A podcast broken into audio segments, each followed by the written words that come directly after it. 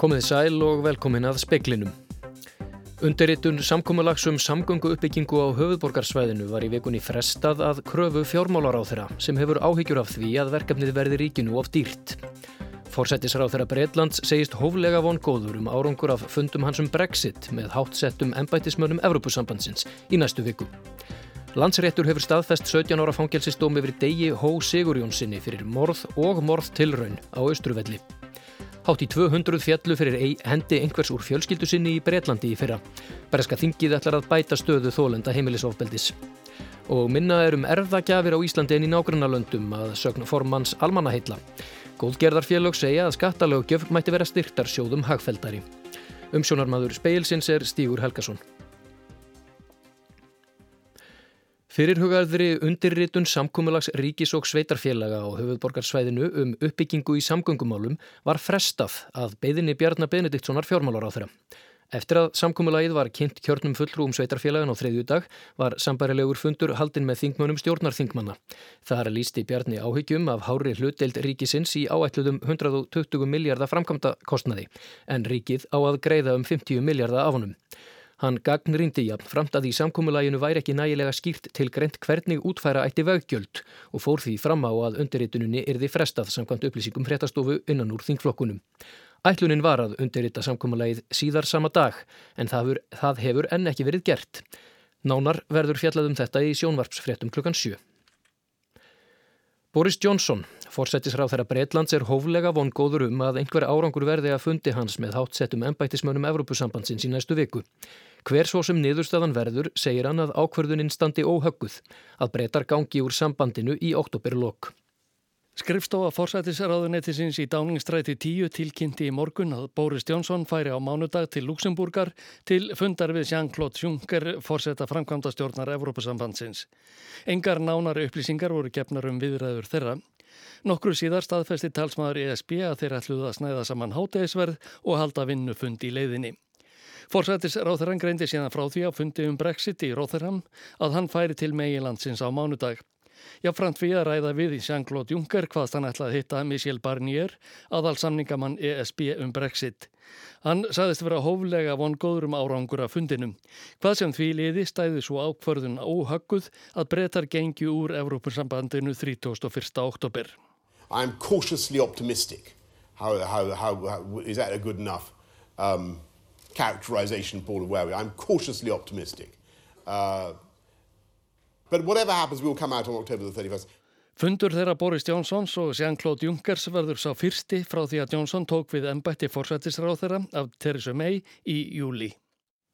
Áskir Tómasson sagði frá. Aldrei hafa jafn margir beðið innlagnar á landsbítalan og í dag. Þá hefur ofenju mikill fjöldi sjúklinga leitað á bráðamótöku spítalans í Fosfógi í vekunni og sagt er að vafasamt aðsóknarmet hafi verið sleið. Allir áttu sjúklingarnir þó erindi á spítalan. Þetta kemur fram í Pistli Páls Mattíassonar, forstjóra landsspítalans sem byrtist á heimasíðu spítalans í dag og nánarum þetta á rúf.is. Landsréttur staðfesti í dag 17 ára fangelsistóm hérastóms Reykjavíkur yfir degi Hó Sigurjónssoni fyrir að myrða Klefis Súla á Östurvelli í Reykjavík aðfara nótt 3. desember 2017. Dagur var einnig sagkveldur í héræði fyrir tilraun til mandráps með því að hafa sömu nótt stungið vinn Súla, Eli og Hassani þannig að hann hlaut meðal annars slagaða blæðingu af. Súla lést af sárun sínum fimm dögum eftir árásuna en nýfurinn gekk meðal annars inn í hjartað. Dagur áfriðaði dómi hérastóms og fór fram á að hann erði síknaður og að bótakröfum erði vísað frá. Saksórnæri fór fram á að dómur hérastóms erði þingdur í 18 eða 19 ára fangelsi. Við dóms uppkanningu landsreitar í dag saði að dómur hérastóms erði óraskaður varandi refsingu og bætur. Dagur var í héræði dæmdur til að greiða móður Súla 4,3 miljónir króna, föður hans 3,5 miljónir og Hassani 1,5 miljónir. Þá er degi gert að greiða allan sakarkostnað, rúmar 12 miljónir króna. Til viðbótar dæmdi landsetur hann til þess að greiða áfrínarkostnað til réttarins 3,5 miljónir. Dagur hefur setið í gæsluvarðhaldi frá því að hann var handtekinn í desember 2017 og dregst gæsluvarðhaldsvistinn frá refsingunni. Andri Yrkill Valsson tók saman. Formannaráð BSRB skorar á stjórnvöld að verða án frekari tafa við kröfum bandalagsins um styttingu vinnuvikunar án launaskerðingar í yfirstandandi kjaraviðræðum. Í álíktun sem samþygt var á fundi formannaráðsins í hátteginu í dag segir ráðið það fullkomlega ós óásættanlegt hversu hægt hafi gengið í viðræðunum fram að þessu. Í viðræðu áætlun sem undirrituð var í sumar var stemt að því að semja fyrir 15. september. Kjarasamningar flestra aðeldarfélaga BSRB hafa verið lausir frá því í april. Félagsmenn þeirra eru um 22.000. 173 manneskjur voru myrtar af einhverjum í fjölskyldu sinni í Breitlandi á síðasta ári. Stemtur að því á breska þinginu að taka fyrir frumvarp sem hveður á um bætt úrræði fyrir fólk sem er beitt heimilisofbeldi. Konur voru 75% þeirra sem fjalli fyrir hendi maka, fyrirverandi maka eða annars úr fjölskyldunni í Breitlandi í fyrra. Karlar voru yfirgnefandi meiri hluti gerenda. Samkvæmt samantækt BBC, Breska ríkisútvarpsins, hefur morðmálum sem tekjast heimilisóbeldi fjölgað um 32 síðan árið 2017. Guardian hefur eftir Elisabeth Yardley, professor í ábrjótafræði við Birmingham Háskóla, að morð sem þessi komi ekki eins og þrjuma úr heiðskýru lofti. Það sé ekki þannig að óbeldismenn missi skindilega stjórn á sér niða þeim hafi verið augrað. Að baki sé líkamlegt og andlegt óbeldi sem oft leiði til einangrunar þess sem því er beittur sem verði til þess að fólk leiti sér síður hjálpar. Forsættisráð þeirra breyta greindi frá því á Twitter í vikunni að á næsta þingi verði lagt fram frumvarp sem hveður á meiri vendera sem flýja ofbeldi á heimili. Stopna á fleiri atkvörf og skilgreina betur í lögum hvað sé heimilisofbeldi. Stemtir að því að fjárhagslegt og andlegt ofbeldi verði hluti af þeirri skilgreiningu. Dagni Hulda Erlendstóttir saði frá. Álverinn þrjú á Íslandi greitu tæpan miljard í fastegna gjöld 2018. Fastegna mat álversins á reyðarfyrði er 100 miljardar en það er skráð 0 fermetrar í þjóðskrá. Fréttastofa sendi fyrirspurn til sveitarfélagana þryggja, hafnarfjörðar, fjörðabeigðar og kvalfjörðarsveitar um gjöld sem álverinn greiða. Alcoa fjárðaál greiti fjárðabyggð 418 miljónir í fastegnagjald 2018. Það er meirinn helmingur allra fastegnagjald að sveitarfélagsins sem voru 780 miljónir. Á þessu ári greiðir fyrirtækið 440 miljónir. Rio Tinto, eigandi álversins í Strömsvík, greiti hafnarferði 299 miljónir í fastegnagjald í fyrra sem eru 10% af fastegnagjöldum hafnarferðar. Á þessu ári greiðir fyrirtækið 294 miljónir. Kvalfjörðarsveit neytaði að svara á þeim forsendum að upplýsingarnar gætu varðað hagsmunni Norðuráls. Ketill Magnússon, formaður almannaheitla, segir minna vera um erfðagjafir á Íslandi en í nágrannalöndunum. Góðgerðarfélög segja að skattalögjöf mætti vera hagfeldar í styrtarsjóðum. Í erðagjöfum fælst það að ánafna hlut af eigum sínum eftir sinn dag til málefni sem viðkomandi er andum. Hér á landi hefur verið tiltrúlega lítið um erðagjafir. Sjö góðgera félög stóðu fyrir málþingjum erðagjafir í yðrinó í dag á alþjóðlegum degi erðagjafa. Ketill Magnússon, formaður almanahilla, styrðir ástöfnunni. Það virðist vera eins og erðagjafir sé ekki svo algengar á Íslandi. Við höfum ekki nákvæmar upplýsingar um það en við höfum upplýsingar frá nákvæmlandum okkar og þar, til og með í Breitlandi, þar virðist vera að eitt fjóru þeirra sem skrifur erðaskrá gefur erðar gafir að tilnefnir í erðarskáni að það skuli e, einhver hluti vera gefin í góð málefni. Gilvi Magnússon, dósent og formaður stjórnar styrtarsöða Háskóla Íslands, segir að íslensk skattalögjöf mætti vera hagfældari styrtarsöðum líkt og í nágrannarlöndunum. Háskóli Íslands fær reglulega 20 miljóna í erðagjafir. Já, skattalegt umhverfi styrtarsjóða er að mörguleiti mjög óhagfælt á Íslandi og Reyndar er það þannig að, að þeir eru undan þegnir erðafjárskatti, það er tildulega nýlega breyting. En það er margt annað í umhverfinu sem er mun lakara hér heldur en í nákvæmlega löndunum til dæmis e, fjármangstekjuskattur er mjög íþingjandi fyrir sjóðuna og jáfnframt er e, slæmt að það skulle ekki vera einhvers konar skattfrádráttur sem að einstaklinga geta fengið vegna að gjafa til góðgeramála eða, eða stopnarna eins og Háskóla Íslands sagði Gilvi Magnússon, Yngvar Þór Björnsson rætti við hann. Alzheimer samtökin var að við því að einhver óprútin hafi hringt í fólk og þóst sapna fjef fyrir samtökin, óskað eftir að fá gefn upp kennitölu viðmælanda sinna svo að stopna mætti kröfu í heimabanka þeirra. Vilborg Gunnarsdóttir framkvæmtastjóri samtakana segir málið sorglegt. Hún viti ekki til þess að neitt hafi fallið fyrir aðtæfinu en lögreglu hafi engu að síður verið gert viðvart. Breyta eitt í sakamálalögum til að leifa lögreglu að halda mönnum lengur en 12 vikur í gæsluvarðhaldi í floknari málum. Þetta er mat lektors í refsirétti. Stort fíkni efnamál sem nú er fyrir domstólum hefur beint sjónum manna að þessu álitaefni. Ákjert var í málunu í lok ágúst. Þrýr eru í ákjörunni sagaður um að hafa framleitt 8,5 kíló af amfetamíni í sumarbústað í borgarfyrði. Þeir, auk þrekja til viðbótar, eru líka ákjörðir fyrir stórfelda kannabisaræktun í útihúsi í Þykvabæ. Þremenningarnir sem eru ákjörðir fyrir amfetamínframleysluna geta átt mjög þunga dóma yfir höfði sér. Aðeins einu sinni áður hefur amfetamínframleysla komið til kasta íslenskra domstóla. Þá fengu sakborningarnir tveir, 8 og 10 ára fangilsistóma og mennirnir í nýjamálunu eru engir nýgraðingar í afbrótum, að minnstakost ekki allir. Tveir þeirra, Alvar Óskarsson og Einar Jökull Einarsson, fengu sjö og níu og hálfs árs dóm fyrir að smigla tögum kílóa fíkni efnum með skútu til fáskurúðsfjörðar í svokölluðu pólstjörnumáli fyrir rúmum áratög. Gæsluvarðhaldsúrskurðir í nýjamálinu, sem voru byrtir í vikunni að beðinni fréttastofu, varpa ljósi á hversu mikið mennirnir lögðu á sig við að hilja slóð sína ógu vítt og breytum höfuborgarsvæðið og skiptu ítrekkaðum bíla, alltaf með lögregluna á hælunum, hvort sem þeir vissu það eða ekki. Og mennirnir er ekki bara grunaður um fíknefnaframleyslu. Annar hluti rannsóknarinnar snýrað peningaþvætti í tengslum við hina brotastarfsemina. Karl Steinar Valsson, yfirmaður rannsóknardeldar lauruglunar á höfuborgarsvæðinu, sagði við fréttastofu í byrjunum ánadar að laurugla hefði lagt hald á og kyrsett, fasteignir, bíla og fjármunni fyrir hátt í 100 miljónir króna sem leiði í þeirri rannsókn og að hún var í langt komin. En henni var ekki lokið um mánadamót. Engu að síður var gefin út ákjara í málinu, bara fyrir fíknefnaframleiðsluna. Þetta gagnrýndu verjendur sakborninga harðilega við þingfestingu ákjærunar á þriðudag. Ef að rannsókn er ekki full unnin þá verður þú bara að leika eftir reglunum leysa menn úr haldi og gefa þú út ákjæru síðan meir. Sagði Stefan Karl Kristjánsson, verjandi Alvars Óskarssonar. Það sem Stefan á við er að lögregla má ekki halda mönnum í gesluvarðhaldi lengur en í tólf vikur frá handtöku, án þess að gefa út ákjæru. Nefna hægt sé að sína domstólum fram á að brínir rannsóknarhagsmunur séu enn til staðar sem getur verið erfitt þegar svo langt er leiðið á rannsóknina. Þessar tólf vikur voru liðnar í lok ágúst. Verjendurnir telja hins vegar að skjólstæðingar þeirra eigi rétt á að réttað sé yfir þeim fyrir allt í einu. Peningaþvættisrannsóknin sé ekki klófin frá fíknefnamálunu. Við getum sagt að, að, að það sé ákveðin líka megiregla að menn eigi rétt á því að vera ákjærðir fyrir þau brot sem eru til rannsóknar í einu og sama málunu þannig menn séu ekki að berjast á ef við orðum það þannig á mörgum mikstöðum. Segir Jón Þór Ólason, lektor í refsirétti sem hefur líka starfað að bæði saksókn og vörn sakamanna fyrir dómi. Þessi meginregla stangist hins vegar stundum á við aðra meginreglu um að rannsókn og saksókn mála skuli flýta sem kostur er. Það er jú algengt að dómar séu til dæmis mildaðir ef mál dragast óþarflega á langin en það getur það líka bitnað á sakbortningum.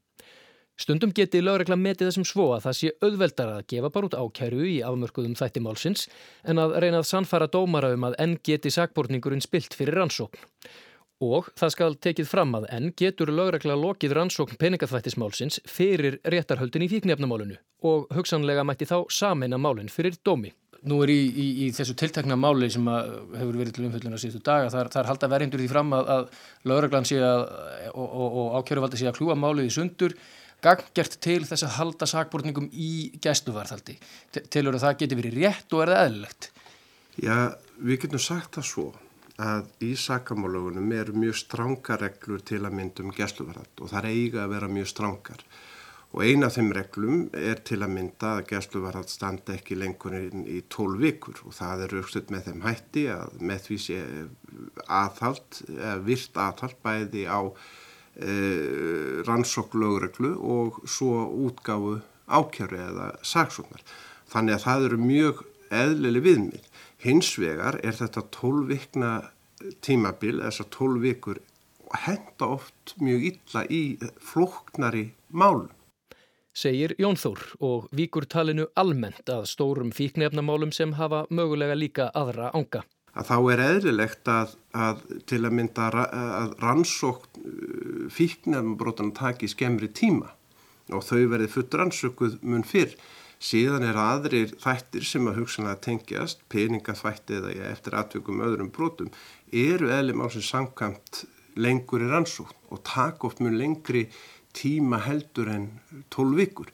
Þannig ég vil nú meina það að, að það ætti rauninni að eh, umskrifa vissuleiti 1950 grein sakamálagana þannig með þeim hætti að það væri að finna heimild það sem væri hins vegar nákvæmlega skilgreynd í hvaða tilvikum það væri und að fara lengur en þennan 12 vikna frest. Segir Jón Þór Ólafsson, rektor í Refsirétti.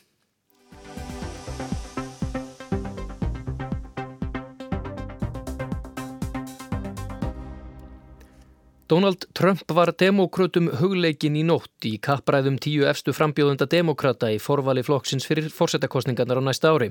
Spjótin beindust líka að Joe Biden sem enn leiðir baráttuna en Elizabeth Warren og Bernie Sanders fylgja fast á hæla hans. Heilbreyðismál, innflytjandamál og utanríkismál bar títt á góma og hvort og þá hversu langt til vinstri flokkurinn á að sveia.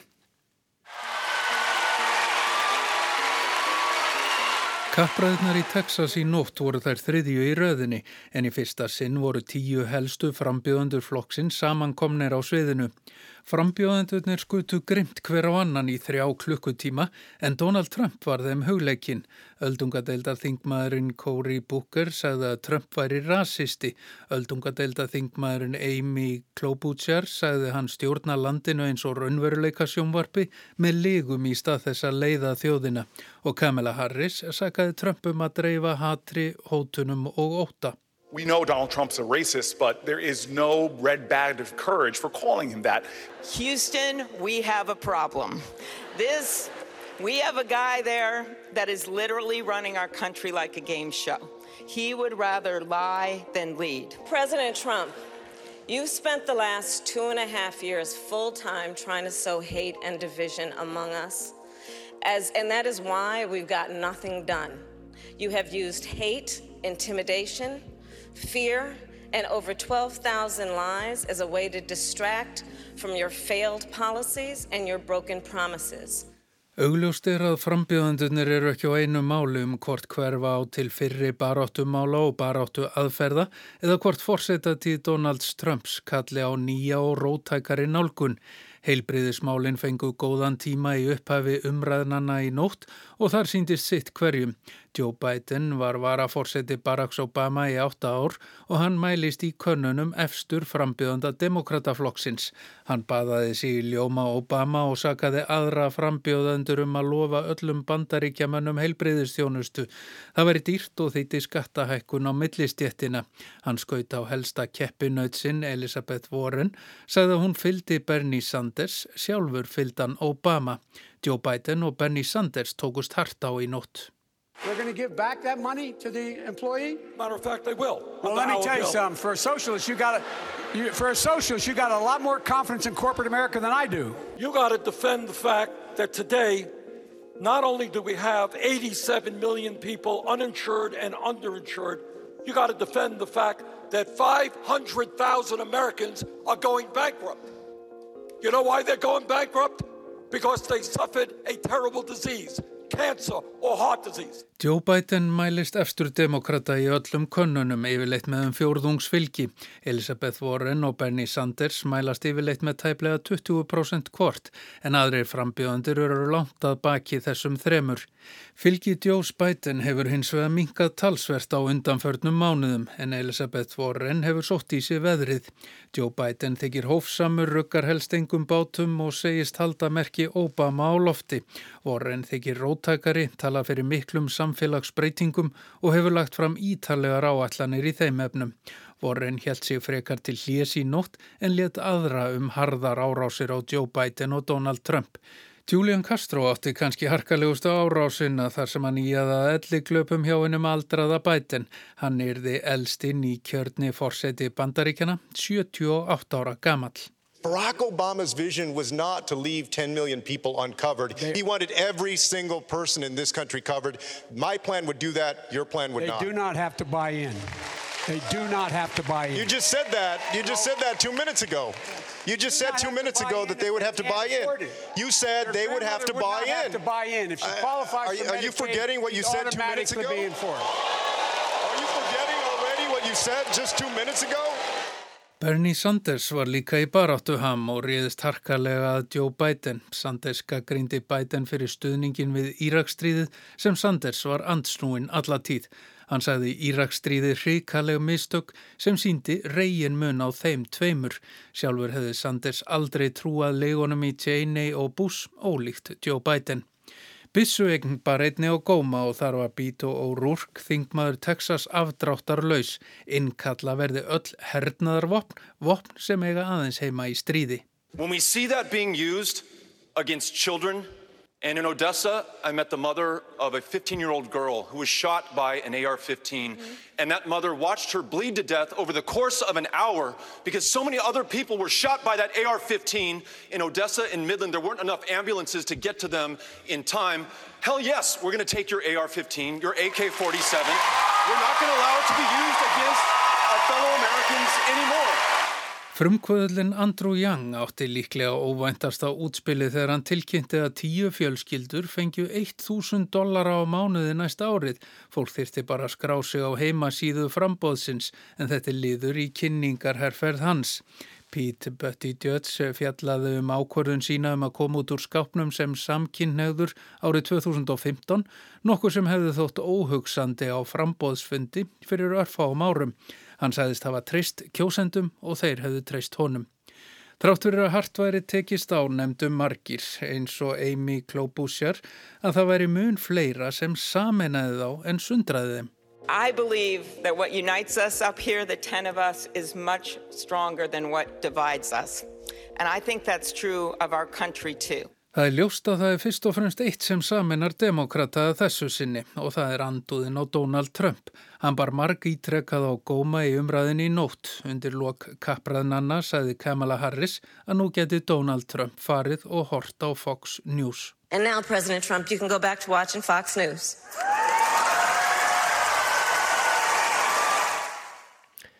Þarna heyrðu við í Kamölu Harris. Pálmi Jónasson tók þennan pistil saman.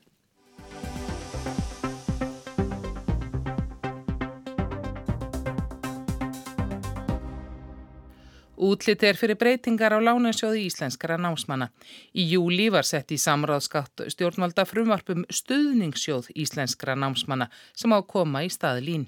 Helstu breytingar sem þar á að gera auknafnabreitingarnar er að ljúkilán þegar prófi innan tilgrinstíma verið 30% af lánið er að felt niður, styrkur verði veittu til framfæslu badnalán þegar og lán skuli ávalt að fullu greitt þegar þeir eru 65 ára. Þeir sem ljúka námi fyrir 35 ára geti valið hvort endugreislur séu tekjutengdar eins og nú er eða þeir greiði með jöfnum greislum sem verður þá reglan fyrir þá eldri. Sýnist sitt hverjum en breytingarnar og má nefna að starfsmenn Lánasjóðsins er ekki sáttir við breytt nafn og skamstöfun og lín í sín. Fulltrúar stúdenta telja ákvæði um vakstakjör eins og þau eru nú í frumvarpinu varhuga verð. Umsóknum um lán hjá lín hefur fækkað mikið undan farin ár á sama tíma og stúdentum hefur fjölkað. Jóna Þórei Pétursdóttir, forseti stúdendaráðs Háskóla Íslands, segir að það borgi sig ekki fyrir námsmenn að taka lán lengur. Grunnframfræslan er það lág sem er svo, svo uppæð sem að nemyndur fá í lán á mánuði. Hún er það lág að stúdendar get ekki framfleitt sér á þessu og þeir þurfa að leita á önnur mið, annarkvort í bakland eða að vinna með námi. Þrátt fyrir þetta fjölgar námsmennum?